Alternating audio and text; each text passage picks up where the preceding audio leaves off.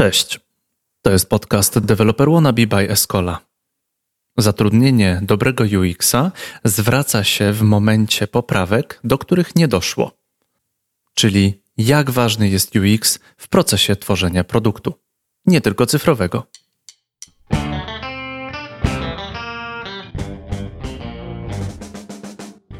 W tym odcinku opowiemy o tym, co trzeba zrobić, żeby zostać UX-em. Mnie samego interesuje pytanie, czy UX to przypadkiem nie są drzwi tylne do wejścia do IT. Porozmawiamy o współpracy UX-ów i programistów. Tutaj zwracam uwagę na wypowiedź Szymona. Bardzo, bardzo w stronę programistów. Wspominamy nawet UX w tekście. Pozdro Artur Jabłoński. UX to oczywiście nie jest programowanie, ale Szymon i Krzysztof wspominają o tym, co warto wiedzieć, aby lepiej zrozumieć proces wytwarzania wszystkich możliwych produktów cyfrowych. Po wysłuchaniu tego odcinka zrozumiesz, gdzie powstają kwasy na linii wytwarzania oprogramowania i UX i jak tego po prostu uniknąć. Szymon Trzepla, Krzysztof Miotk, chłopaki z UX po godzinach. Zapraszam. W drugim podcaście, który prowadzę, Escola Mobile, zrobiłem podcast z osobą niedowidzącą i bardzo słabowidzącą, niemal, niemal niewidomą. To, co chłopaki opowiadali o dostosowaniu, o accessibility, też chyba to jest jakaś, jakaś taka e, gałąź e, UX-u, to po prostu ja byłem zachwycony to, jak oni opowiadali, plus nawiązuje do tego, że zwiększenie komfortu korzystania, to się po prostu bezpośrednio przekłada na pieniądze. No po prostu więcej osób korzysta, więcej osób kupuje. A jako twórcy jesteśmy bardzo zainteresowani, aby nasze produkty, choćby podcast, był słuchany, czytany w jakikolwiek sposób. Dlatego warto też robić na przykład transkrypcję do podcastów albo wypisywać w postach główne myśli. I wtedy, no wtedy można się podzielić wiedzą znowu. To jest perspektywa badacza, dobrze myślę?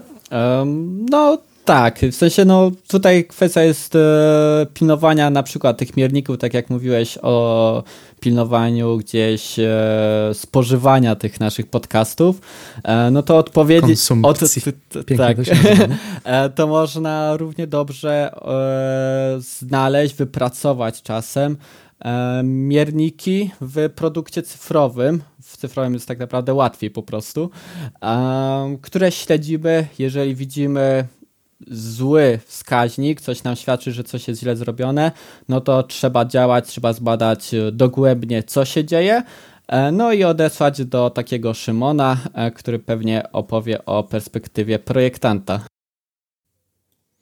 No i mm, teraz na białym koniu wchodzi Szymon, który zaczyna opowiadać o procesie projektowym. Tak, i on jest y, niezwykle ściśle związany z, z tym procesem badawczym.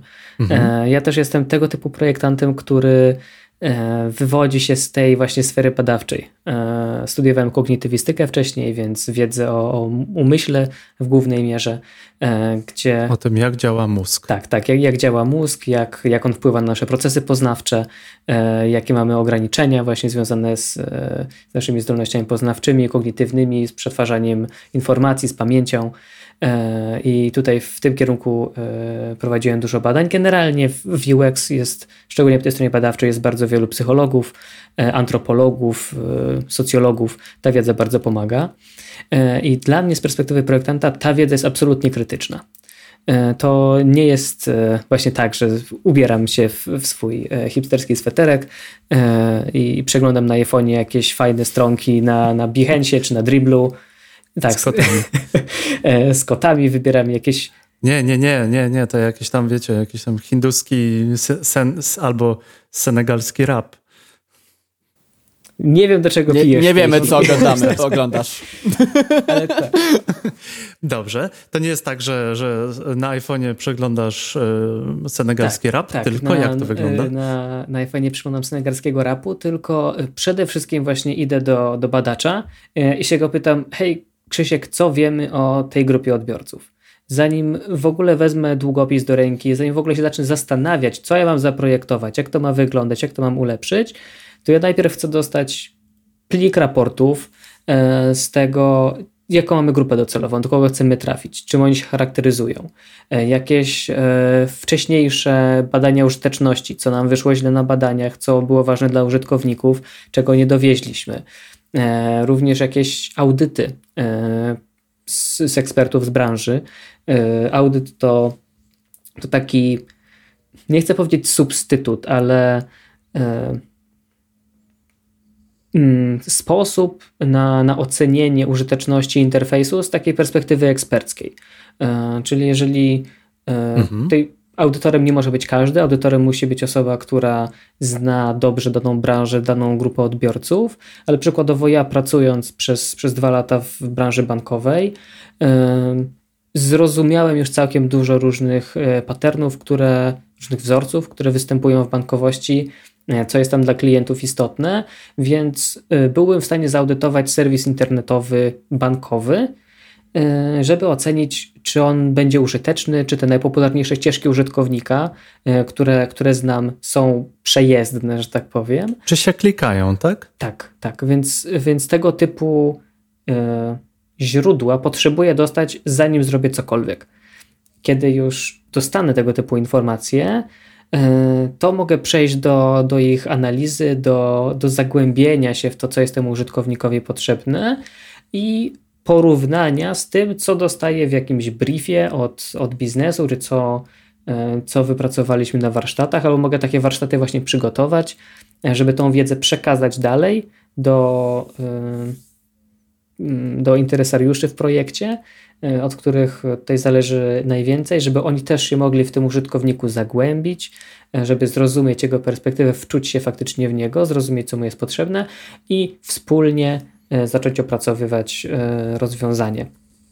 Tutaj też chciałbym się odnieść do, do tego, co powiedział Krzysztof o tym, że, że UX musi być taką osobą, która wejdzie nieraz z drzwiami i, i, i zatrzyma mhm. coś niepożądanego dla użytkownika.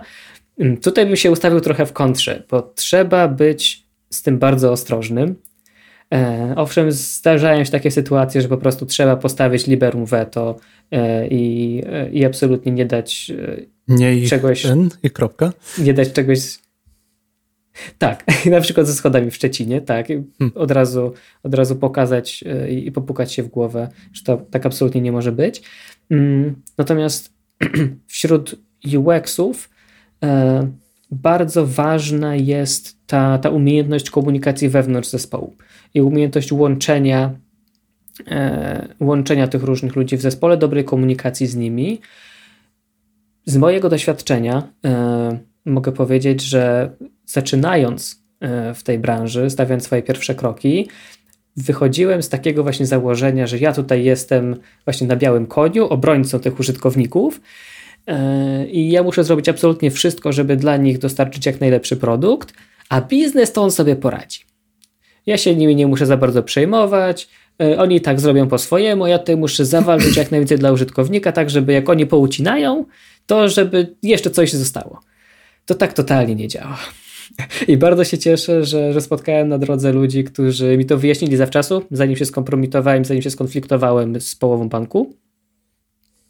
E, tylko mi wyjaśnili, że tutaj z ludźmi, Bardzo ludźmi trzeba jednak współpracować. I jak się nie chcemy narazić na śmieszność, jak się nie chcemy, zra- jak nie chcemy zrazić ludzi do siebie i nie chcemy zrobić wielkiej krzywdy user experience, e, to trzeba się z ludźmi dogadać. Bo wokół nas naprawdę pracują ludzie wartościowi, pracujemy z ludźmi, którzy nieraz są olbrzymimi ekspertami w swojej dziedzinie, z e, nastoletnim, dziesięcioletnim stażem, oni też coś wiedzą o tych użytkownikach. Naprawdę też coś o nich wiedzą, tylko może nie potrafią tego do końca wyrazić, może y, zaobserwowali tylko jedną stronę, albo mają mnóstwo ograniczeń po, gdzieś tam po swojej stronie, mają y, niesamowite KPI do wyciśnięcia, o których my nie mamy pojęcia, mają despotycznych dyrektorów gdzieś nad sobą y, i po prostu starają się jakoś, jakoś odnaleźć w tym świecie, więc jako UXi powinniśmy być bardzo, mm, bardzo świadomi tych potrzeb użytkownika y, i jak mhm. najbardziej pracować dla nich, ale też współpracować z tą resztą zespołu, tak jak już mówiłem wcześniej, y, i starać się znaleźć ten, ten taki złoty środek, tak żeby każdy poczuł się zrozumiany i żeby każdy faktycznie uczestniczył w tym, w tym projekcie. Mam wrażenie, że strasznie odbiegłem od tematu. A, ale ja tutaj to podsumuję w sumie, e, bo jakby jak najbardziej się zgadzam z Szymonem, że trzeba słuchać e, ludzi, słuchać e, zespołu i tak dalej. Niemniej no sam UX trzeba pamiętać i to nieważne już czy badacz, czy, czy projektant, czy, czy projektant treści i tak dalej, to sam UX wszelkiej maści powinien być tym adwokatem użytkownika, jak to się mówi, czyli dbać o jego interesy, ale jednocześnie śledzić rynek, pamiętać o tym, co się dzieje na rynku i interpretować to i łączyć to z biznesem, czyli sam UX powinien już e, patrzeć na te e, rzeczy, a nie czekać aż właśnie, aż ktoś z biznesu powie, że oszaleliśmy. UX już powinien, i właśnie na przykład ja na przy, przy badaniach, Zawsze mówię też moim studentom, że e, to nie jest już czas, kiedy badacz kończy swoje raporty na wnioskach. E, od badaczy wymaga się rekomendacji. Rekomendacji, które wpływają realnie na biznes. I o tym trzeba pamiętać absolutnie, że my poprawiamy doświadczenie użytkownika, ale dbamy tym samym o biznes. I to nie jest jakby wyłączne, że albo jedno, albo drugie, e, to musi iść w parze. Dorzucę jedną myśl to jest też najlepszy sposób, żeby UX w swojej organizacji sprzedać. E, jeżeli wchodzimy do jakiejś organizacji, która nie ma z nim tyle, tyle wspólnego, która jeszcze nie rozumie o co tutaj chodzi e, i dominują tam smutni panowie w garniturach, jak to się kolokwialnie mówi, to takie właśnie podejście jest, jest absolutnie najlepsze i na różnych grupach dla właśnie UX-owców na, na Facebooku między innymi regularnie się pojawia pytanie e, pod tytułem hej, pracuję w jakiejś tam firmie, gdzie, gdzie UX jeszcze raczkuje, e, no i dział e, nie wiem, finansów, dział strategii zgłosił się ze mnie ze swoim Excelem i chce zobaczyć, ile zarobiliśmy dzięki UX-owi. To ciężko jest w takim momencie wy, wyci- wyciągnąć takie dane z palca. E, natomiast kiedy się o tym myśli od początku i wprowadza właśnie odpowiednie, e, odpowiednio prowadzi badania, o właśnie, wprowadza odpowiednie mierniki i w ten sposób e, ustawi chociażby swoją analitykę internetową, żeby zobaczyć, jak wyglądał ruch przed, jak wygląda ruch po zmianach, e, to to wtedy można bardzo y, wiarygodnie i konkretnie wycenić, E, i pokazać oszczędności, pokazać ekstra zarobki i wtedy wszystko się staje dużo łatwiejsze. Kiedy zaczynamy mówić językiem ludzi, których, e, którzy z nami rozmawiają, jest, jest dużo łatwiej. A kiedy znasz angielski, to z Brytyjczykiem, Amerykaninem, Australijczykiem zaczynać się rozmawiać dużo łatwiej, niż kiedy mówisz do niego po polsku, nie? E, więc to jest dokładnie, więc to jest dokładnie tak samo E, w biznesie, jeżeli mówimy językiem biznesu, jeżeli pokazujemy, tu jest wynik przed, tu jest wynik po, tutaj mamy 10 tysięcy, tu mamy 100 tysięcy na plusie, e, to oni od razu do nas inaczej podejdą. I później sami będą prosili, hej, robimy nowy projekt, proszę, przyjdź do nas, proszę, potrzebujemy Twojej pomocy. UX, UX wychodzi na to, że jest to niezwykle interdyscyplinarna dziedzina. Wspominacie o tym, że w takim zespole UX-owym powinien być e, biznes analityk, marketingowiec może, może, może być, e, z jednej strony UX-owiec może być badaczem, z drugiej strony może być hipsterem od ładnych kolorków. Będę sobie dworował, bo to mój podcast. Kropka. Wziąłem sobie UX-owców, sobie podworuję trochę z, z Apple'a. Jestem znanym haterem Apple'a w mojej firmie.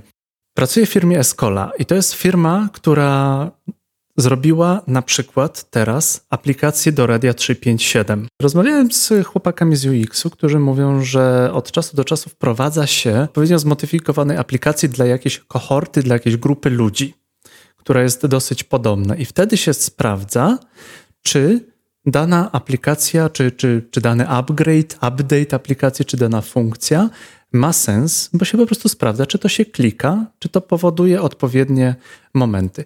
Dążę do czego? UX, wytwarzanie oprogramowania i UX jako najprostsza droga do IT. Jak bardzo UX jest spięty z wytwarzaniem oprogramowania. Mówię, że nie możemy mówić to zależy, ale, ale no niestety nie da się tego powiedzieć, że inaczej, że rzeczywiście to zależy od firmy i od świadomości, czyli wracamy tak naprawdę do tego, o czym mówiliśmy na początku, um, czyli na ile to idzie w parze. Trzeba pamiętać, że zatrudnienie dobrego UX-a, świadomego UX-a, tak naprawdę zwraca się już na, e, w momencie poprawek, do których nie doszło. E, to znaczy. Czyli mądry Polak musi być przed szkodą. Tak, tak, wyjątkowo. A jak nie, to płaci grube pieniądze. Czyli jeżeli da się, e, tutaj na przykładzie chociażby mojego startupu, no to właśnie, ja badałem potrzeby, wypracowaliśmy makiety, czyli coś, co nie było zaprogramowanego, tam nie było ani jednej linijki kodu e, i ja już na tym testowałem i wychwyciłem no niemało tak naprawdę błędów, ale to bardzo dobrze, e, bo przez to mój szef wie, że warto mi płacić. E, a tak serio to, to, tak jest zawsze, że, że jeżeli coś wdrażamy nowego, to są tam błędy i gdzieś naszą, naszymi siłami UX-owców jeszcze, e, możemy znieść poprawki, które dopiero idą na przykład do programisty. Tak samo przy zmianach już dużych produktów też możemy te zmiany przetestować jeszcze zanim zaangażujemy na przykład cały zespół programistów, aby to wdrożył, po czym się okaże, że jest gorzej niż było. A, a ta, tak może być, jakby. I, I, też się zdarzały takie badania, gdzie wychodziło, że coś wyszło na gorzej, więc trzeba zrobić jeszcze raz poprawki, badania i zobaczyć, czy będzie lepiej, i wtedy dopiero wdrożyć. Um, to, o czym mówiłeś, to są tak zwane testy AB, czyli e, sprawdzamy. E, Booking jest w tym bardzo dobry. Albo Facebook z reklamami, nie? Też, e, żeby sprawdzać e, właśnie co się lepiej klika. Czasami no, są to ułamkowe procenty, ale jeżeli pomnożymy to na przykład przy Bookingu czy Facebooku razy miliony użytkowników, to e, no to to są ogromne kwoty. Tak. W niektórych wypadkach są to duże procenty, no, przy, zwłaszcza przy małych produktach, gdzie no, jeszcze tu dużo testujemy, to w takim wypadku te procenty mogą być nawet kilkunastu, kilkudziesięciu jakby kilkanaście, kilkadziesiąt procent wynosić. Niemniej no, idzie to w parze. Ja się pytałem e, moich e, programistów z firmy e, dzisiaj, przed przyjściem tutaj, słuchajcie, jakie są takie nasze, takie wasze stereotypy o nas? No i jakby powiedzieli, że nie mają za dużo, dlatego że nie pracowali z UX-owcem przede mną. A to nie świadczy dobrze chyba o firmie, która której pracowali wcześniej. Mówili, że pracowali właśnie z takim UX łamane na UI, który polegał na tym, że po prostu no, wizualizował pomysły i tyle. Eee, I dopiero gdzieś przy mnie, e, przy tym, że właśnie mój przełożony mnie zatrudnił, e, dostrzegli tę wartość. Ja też idąc, e, wchodząc do firmy, gdzie byli programiści, byłem przerażony. Jakby, jak czytasz komentarze gdzieś na Facebooku, to możesz po prostu się żegnać i myśleć, że to są twoje ostatnie dni życia, bo idziesz do programistów, którzy mówią, że nic się nie da. E, I tu jest szok, bo jakby wszystko się da, tylko trzeba zadawać odpowiednie pytania. A jeżeli masz dobrego programistę i dobrego UX-owca, to oni się po prostu dogadają. Mhm. Ja nauczyłem się, żeby nie pytać e, naszych programistów, czy to się da, tylko ile ci to zajmie. Bo ja wiem, że mamy świetnych jakby programistów, którzy mogą zrobić wszystko, ale potrzebują czasu. Więc jeżeli on mi powie, że jakaś mała zmiana zajmie mu dwa dni, no to ja wiem, że to się nie opłaca po prostu i mówię, ok, um, albo daję w ogóle alternatywy. Często przychodzę z dwoma, trzema pomysłami. Mówię, ile zajmie ci to, to i to. Ja mówię, no ta rzecz dwa dni, ta tydzień, a ta jedną godzinę. Ja mówię, o, chyba wiem, co wybierzemy. E, I tak tworzymy e, rzeczywiście produkt. Przy dużych E, platformach. Tutaj wrócę do tego, co powiedział Maciej, e, czyli przy tych ogromnych korporacjach jest to o wiele trudniejsze, no bo tam są mocne powiązania. Zmiana jednej rzeczy może wywalić 10 innych. E, I to nie jest kwestia tego, że programiści nie umieją, tylko to, że właśnie zajmie im to na przykład 3 miesiące E, więc dlatego się nie zmienia aż tak mocno o, interfejsów, żeby były super user-friendly i tak dalej. Więc e, jakby ja myśląc o pomysłach, E, I nie mając po, pojęcia na przykład, jak to wygląda technologicznie, jakie jest ograniczenie, to jak zwykły człowiek po prostu szedłem i pytałem: Ej, Mateusz, weź mi powiedz, jakby ile ci to zajmie, czy to jest trudne, e, czy dasz radę to zrobić. Właśnie po czasie się nauczyłem, że on jakby nie ma słowa niemożliwe, tylko jest e, słowo, że to zajmie tyle. I w ten sposób idziemy na kompromisy, które nawet nie nazwałbym kompromisami, e, bo rzeczywiście projektujemy rzeczy, które są przyjazne naszym użytkownikom. I ja nie widzę tych problemów, o których słyszałem tyle, że programiści marudzą, że się nie da, on, a właśnie w przypadku właśnie naszych programistów, że, że UX-owiec to jest taki od kolorków i tak naprawdę trzeba mu wszystko podsunąć pod nos, My idziemy rzeczywiście ramię w ramię, robimy razem warsztaty, razem projektujemy nasz produkt, więc e, myślę, że jeżeli umiemy rozmawiać, tak jak Szymon powiedział, e, to się po prostu dogadamy. Po prostu trzeba mieć te umiejętności też komunikacyjne w sobie. Mam same w sumie dobre, e, dobre wspomnienia z pracy z deweloperami, z którymi pracowałem wcześniej. Ja też jakoś byłem tam straszony, że, że jest ciężko, że jest źle. E, mam wrażenie, że e, właściwie dobrzy, rozsądni e, projektanci i deweloperzy pracują w doskonałej harmonii i synergii. Naprawdę. I napędzamy swoją pracę, dużo ją sobie ułatwiamy i odbieramy sobie te, te zadania, których nie chcemy wykonywać, których nie umiemy wykonywać. E, ja miałem doświadczenie w, dosyć niedawno właśnie pracy w takim zespole, który wcześniej współpracował już bez UX-a, a ja tam dołączyłem właśnie jako, e, jako pierwszy UX. E, I z ich perspektywy to było, to było świetne doświadczenie, z mojej również, ponieważ um, zacząłem rozwiązywać problemy, które wcześniej musieli rozwiązywać ludzie, którzy albo byli do tego niekompetentni, albo nie chcieli ich rozwiązywać. E, a wiele problemów im rozwiązałem w ogóle zanim, zanim właśnie, tak jak Krzysiek mówił, e, powstały. E, dzięki współpracy dewelopera z UX-em deweloper dostaje dużo bardziej konkretne już kwestie do, do zakodowania czy problemy do rozwiązania. To też oczywiście zależy od tego, w jaki sposób się pracuje, ale przykładowo w Scrumie, który jest w tym świecie IT e, obecnie chyba najbardziej popularny, e, zazwyczaj UX pracuje kilka sprintów przed, przed deweloperem, e, a kiedy właśnie dochodzi czas zakodowania czegoś czy podjęcia decyzji, co będzie wypuszczone, co będziemy wypuszczać na, na produkcję, to deweloper dostaje e, już przeanalizowaną makietę, która wcześniej została zderzona z biznesem, która wcześniej została we współpracy z jakimś analitykiem opracowana, którą on też wcześniej już kilka razy na różnych etapach rozwoju widział, miał okazję zaopiniować, powiedzieć, ile zajmą poszczególne elementy. Nie musiał się zastanawiać, Y, gdzie on umieści klawisz X, gdzie umieści klawisz Y, a jak ma 15 klawiszy do umieszczenia, to czy on ma zrobić drop down, czy ma zrobić je w, w rzędzie jeden pod drugim, czy może harmonikę, żeby się rozwijały jedne spod drugich.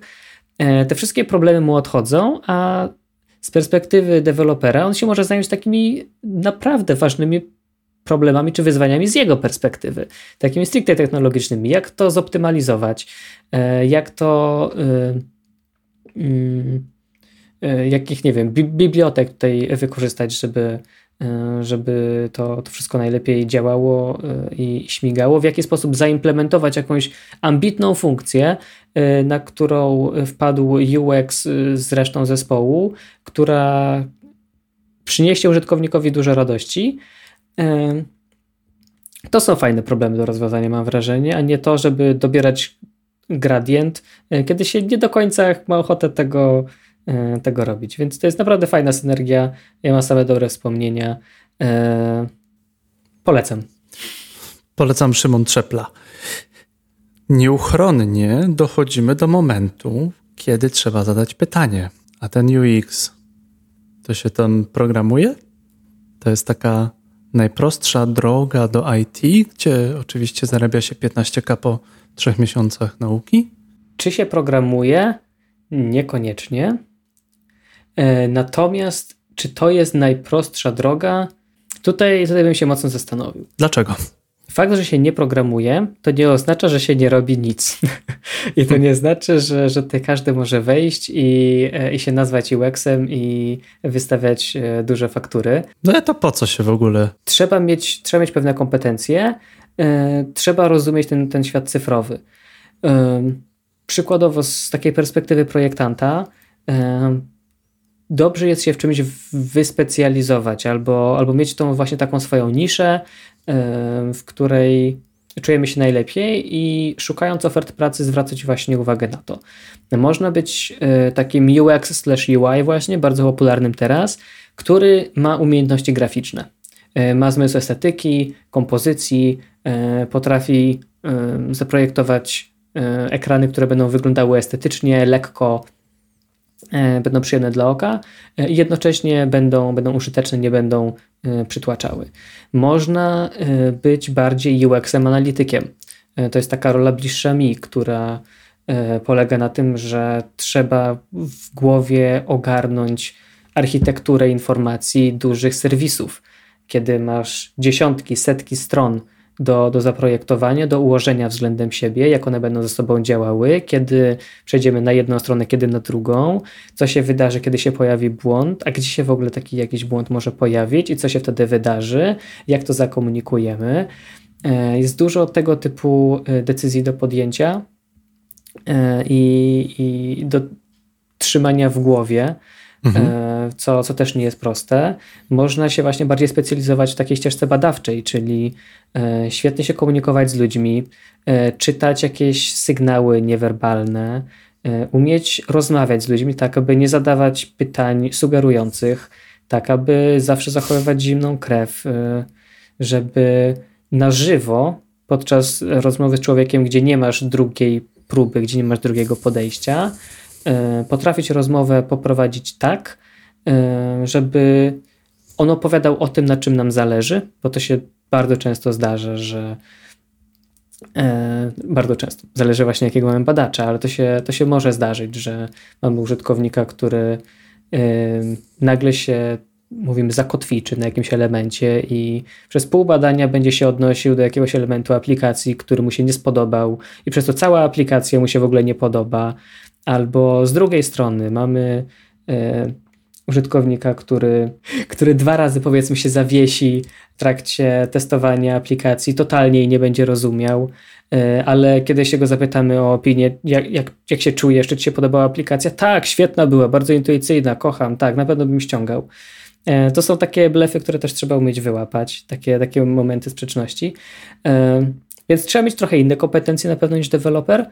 Umiejętność kodowania, czy znajomość kodu, umiejętność kodowania niekoniecznie, ale znajomość kodu, umiejętność przeczytania go, umiejętność zrozumienia, na czym polegają różne biblioteki, e, do czego służy HTML, do czego służy CSS, e, jak, e, jakie ma ograniczenia, to się przydaje.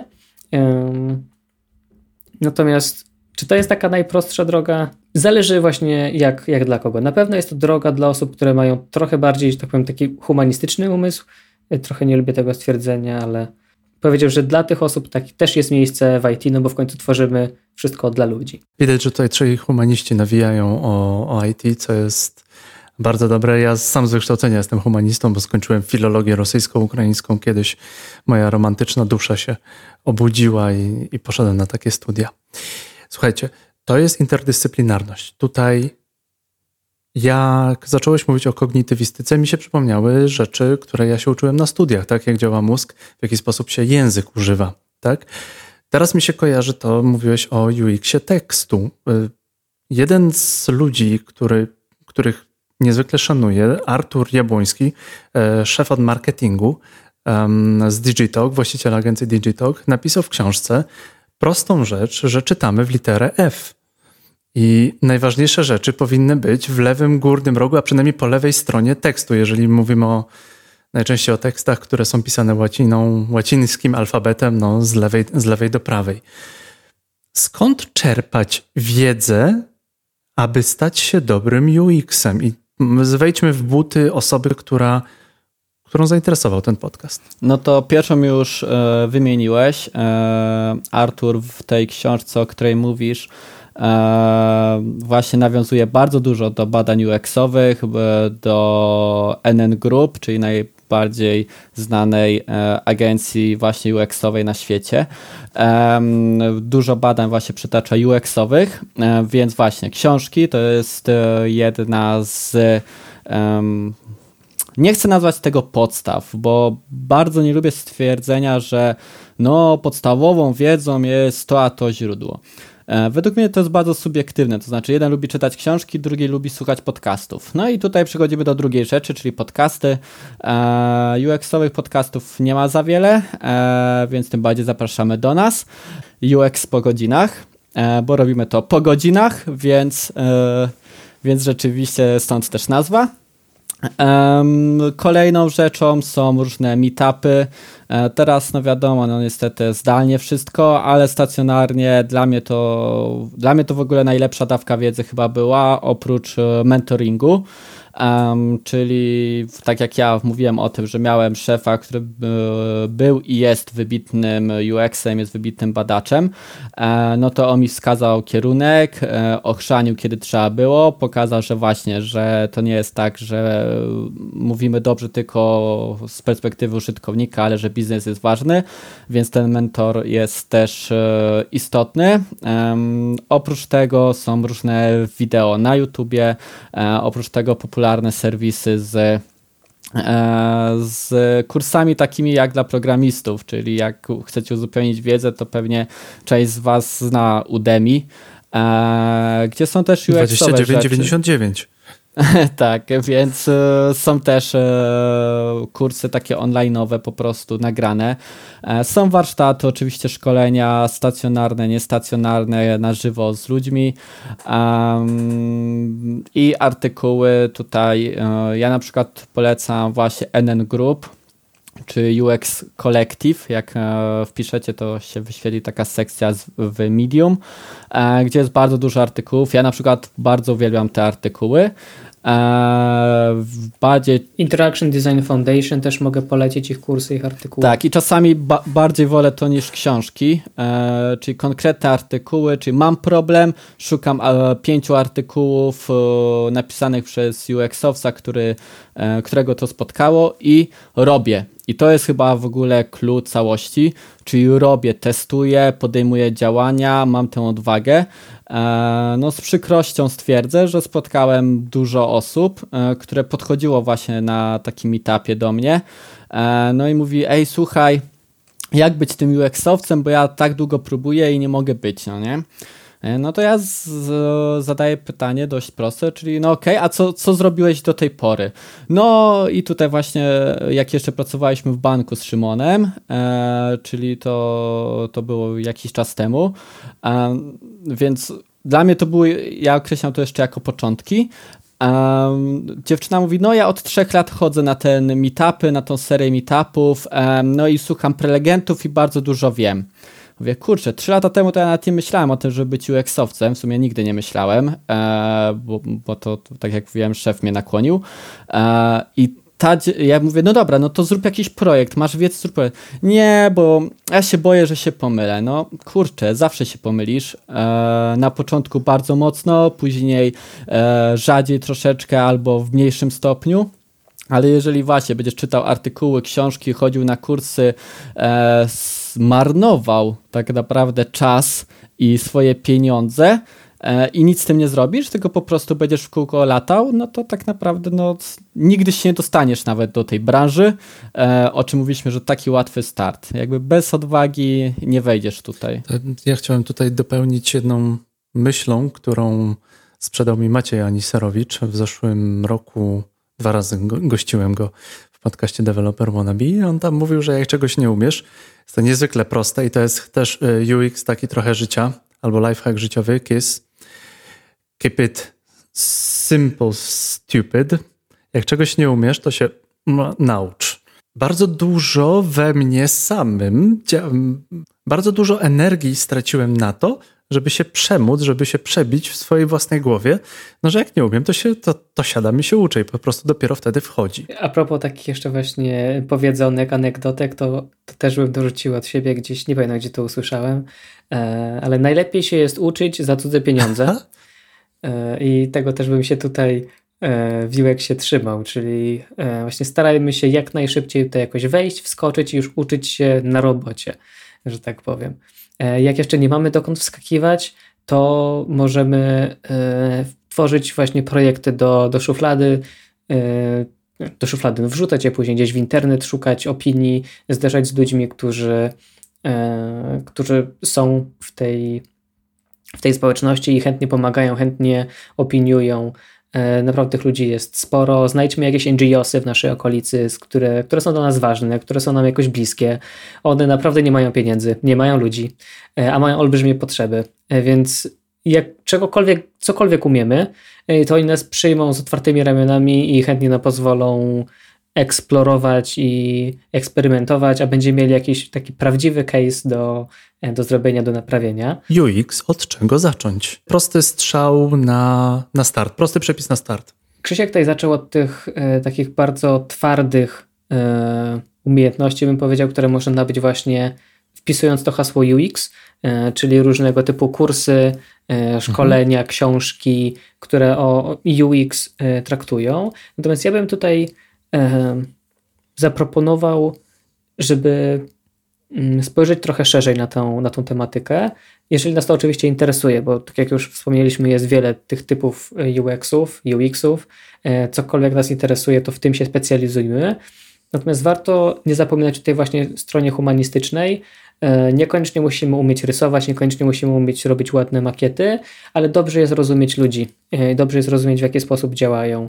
E, więc ja bym tutaj do tego dorzucił wszelką literaturę związaną z, z psychologią, z antropologią, tak żeby zrozumieć skąd, skąd w ogóle pochodzimy jako ludzie, w jaki sposób myślimy, jak ten nasz jaszczurzy mózg E, który nie zdążył nadążyć za tym rozwojem technologicznym, się zachowuje w tej naszej e, chaotycznej e, rzeczywistości mm, elektronicznej.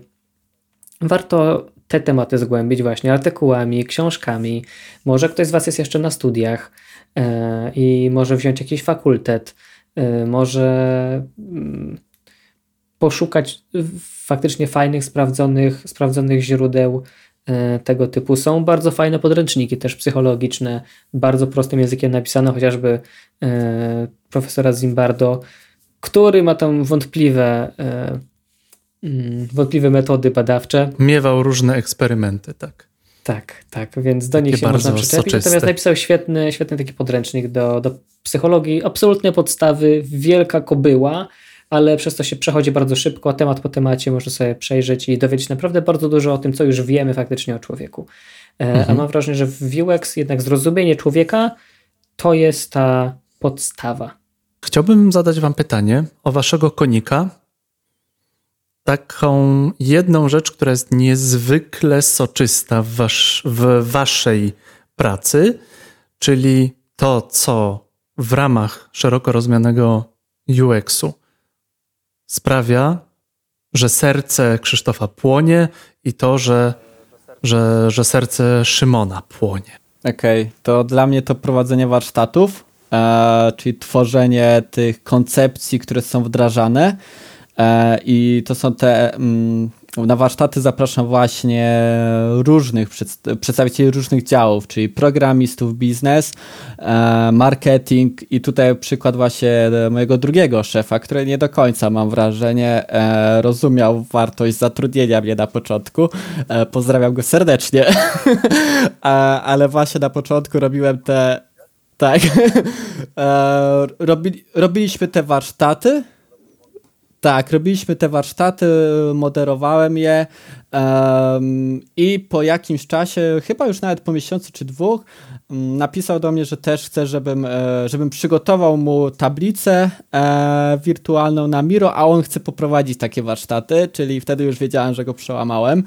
E, niemniej, no właśnie to prowadzenie warsztatów, czyli mam te badania, zrobiłem te badania to też uwielbiam rozmowę z ludźmi, analizowanie tego, e, co jest u podstaw e, właśnie moich potencjalnych użytkowników lub już użytkowników, ale ten przełomowy moment to jest właśnie zrobienie czegoś, wypracowanie czegoś, co te osoby kupią, albo dosłownie, albo w przenosi, czyli albo zaczął to uży, e, używać, czasami zdarzało się, że nawet dziękować, też miałem takie przypadki, że użytkownicy pisali do mnie, że e, ale fajnie, że dbacie o to, bo nikt o nas prędzej nie zadbał. E, tutaj w przypadku platformy tradingowej hmm. na przykład. czyli zrobienie konceptu, który później wdrażamy rzeczywiście na podstawie moich badań. To jest dla mnie absolutny, absolutny sztos, który uwielbiam, uwielbiam to czuć. Szymon. Jak miał wskazać taką jedną rzecz, która mi sprawia jakąś największą przyjemność, to tutaj znowu będę w, kontrakcie, w, kon, e, w kontraście do Krzyśka. E, Krzysiek bardzo lubi jakieś takie społeczne właśnie interakcje i warsztaty, kiedy się dużo dzieje. E, ja jestem dużo cichszą osobą ja przede wszystkim lubię to, co się dzieje po takim warsztacie albo po badaniu, kiedy mamy absolutny chaos, kiedy mamy mnóstwo różnych, różnych danych, różnych punktów widzenia, różnych insightów e, i trzeba coś z tego, z tego ukuć. E, trzeba znaleźć jakiś sens w tych górach danych, które mogą się wydawać niezwiązane, ale jak się właśnie je rozpisze na tych naszych słowetnych kolorowych karteczkach, porozkleja na ścianie, pozamienia kolejnością, pogrupuje, porozkłada, połączy w jakieś, w jakieś ciągi przyczynowo-skutkowe, to zaczynamy widzieć w tym jakiś, jakiś obraz i E, ta, ta właśnie ten element odkrywania czegoś nowego, e, ten taki dryk, powiedziałbym, naukowca, który, e, który wcześniej nie miał nic, a doszedł do czegoś i jakąś nową wiedzę wniósł, to, to jest coś, co mnie kręci najbardziej i kiedy po wielu godzinach właśnie takiej żmudnej analizy i grzebania w surowych danych wychodzę z taką garstką kilku, bo wtedy to, to się okazuje, że mamy kilka takich naprawdę mocnych insightów, mocnych informacji na temat użytkownika, e, czegoś, czego o nim nie wiedzieliśmy wcześniej, a teraz wiemy i możemy to przekuć e, w e, jakieś ulepszenie dla niego albo w nowy produkt dla niego, to to jest to, co mnie cieszy najbardziej. Tutaj chciałbym jeszcze zaznaczyć, e, że dobrze poprowadzony warsztat już łączy te kropki. Tutaj e, wiem, że nie zawsze, e, niektórzy nie prowadzą tak warsztatów, ale tak jak Szymon powiedział, ja lubię robić to z ludźmi, czyli lubię wypracowywać koncepty z ludźmi, a później rzeczywiście czasami jest coś do poprawiania, do przedstawiania tych karteczek, ale no lubię odkrywać, lubię robić te nowe rzeczy, ale no lubię to robić w gronie właśnie różnych kompetencji, e, gdzie mam przedstawicieli różnych e, departamentów, czy działów, czy zespołów, e, przez co wiemy, w którym kierunku idziemy razem. E, więc tak, więc też lubię tworzyć, tylko troszeczkę w inny sposób. Tak, to miejsce w UX jest dla każdego różne metody pracy, różne temperamenty i, e, i to jest fajne. To jest też bardzo kolorowe środowisko w którym każdy się wywodzi tam z trochę innego backgroundu, ma trochę inną wiedzę, to jest mega super. Ja z tego miejsca chciałem pozdrowić chłopaków z Nozbi. Też pozdrawiamy. Którzy mają fajny UX Nozbi i który po, ja w Nozbi mam dokładnie krok po kroku rozpisane, co robimy, jaka jest procedura robienia podcastu przed, po, w trakcie, kiedy jeszcze wrzucam sobie informacje, kiedy wrzucam w sieć informacje. Dlaczego to mówię? Dlatego, że Nozbi mi ułatwia pracę, ponieważ według mnie oni mi nie każą myśleć, tylko ja jadę z góry do dołu, a po prostu tak mi się najlepiej wy, wypełnia zadanie. Odhaczając kolejne, kolejne rzeczy, bo mówią chłopaki w Nozbi, że to praca to nie miejsce, a to co się robi i to jest chyba dobra, dobra rzecz na, na koniec. Złote słowo macie po minucie teraz. Złote słowo na koniec. Krzysztof. O kurczę. E, to ja chciałbym na pewno powiedzieć, że warto właśnie być odważnym e, i trzeba o tym pamiętać, e, będąc UX-em i chcąc być UX-em. Troszeczkę też jak spadać to z wysokiego konia, żeby zrobić dużo błędów na początku, ale dużo też wynieść. I to, co jest ważne, to pracujmy z ludźmi, którym się chce, E, czyli nam ma się chcieć, e, naszym współpracownikom e, ma się chcieć, wtedy wszystko idzie łatwiej, łatwiej się komunikujemy i te efekty są lepszej jakości. Szymon, złote słowo na koniec. Start, minuta. Ja bym przede wszystkim powiedział, żebyście byli ciekawi tego, co jest, co jest dookoła Was, zwracali uwagę na, na te drobne rzeczy, które Was irytują, na te, które Was E, cieszą, poznawali w ten sposób siebie, ale też poznawali ten świat dookoła i zauważali ten UX e, wokół nas. Kiedy to zaczniecie zauważać, zaczniecie praktykować na co dzień, e, to Was na pewno wciągnie i, dzięki temu będziecie się rozwijali w tym kierunku. Kiedy złapiecie tego bakcyla, to tak jak mówił Krzysiek, dużo odwagi. Praca UX-owca polega przede wszystkim na tym, żeby się mylić, to chodzi o to, żeby popełniać błędy, bo jakbyśmy od początku wszystko robili dobrze, to byśmy w ogóle Krzyśka nie potrzebowali, bo po co badać, skoro wszystko i tak jest dobrze. Nigdy nie jest dobrze.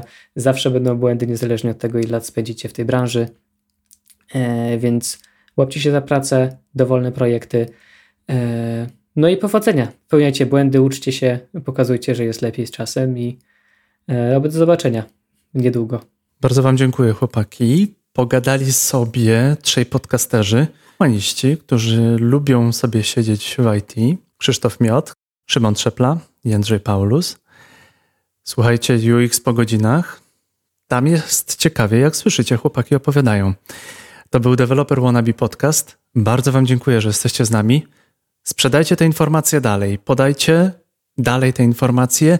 Jeśli w tym podcaście jest coś, co może Wam pomóc, udostępnijcie ten podcast dalej, udostępnijcie tego live'a dalej. Może w Waszym otoczeniu jest ktoś, kto, ktokolwiek, kto może skorzystać na naszej rozmowie. Za niedługo wyjdzie live i za niedługo wyjdzie sam podcast w formie audio. Wtedy wystarczy, że opowiecie po prostu tej osobie o podcaście Developer Wannabe, że Jędrzej miał takich super fajnych Krzysztofa Szymona z UX po godzinach. Dzięki, do usłyszenia.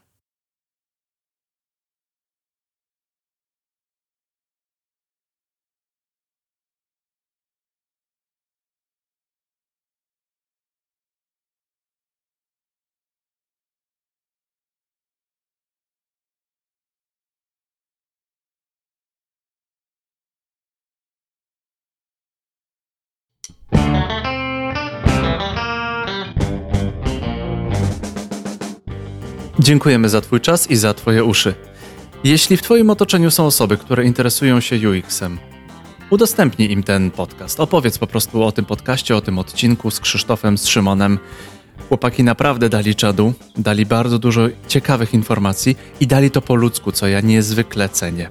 Dlatego możesz udostępnić ten podcast. Na przykład link wrzucić na Face'a, LinkedIna, Twittera. Będzie nam niezwykle miło, jeżeli wejdziesz na iTunes i dasz nam 5 gwiazdek i jakąś fajną opinię za ten podcast. Im więcej takich gwiazdek, tym bardziej kocha nas algorytm i tym częściej nas pokazuje osobom, które wyszukują. W taki sposób, dzięki Tobie, trafiamy do większej ilości ludzi. To był 58. odcinek podcastu Developer Wannabe by Escola. Gościłem Krzysztofa Miotka i Szymona Trzeple. UX po godzinach, Developer Wannabe. Dziękujemy.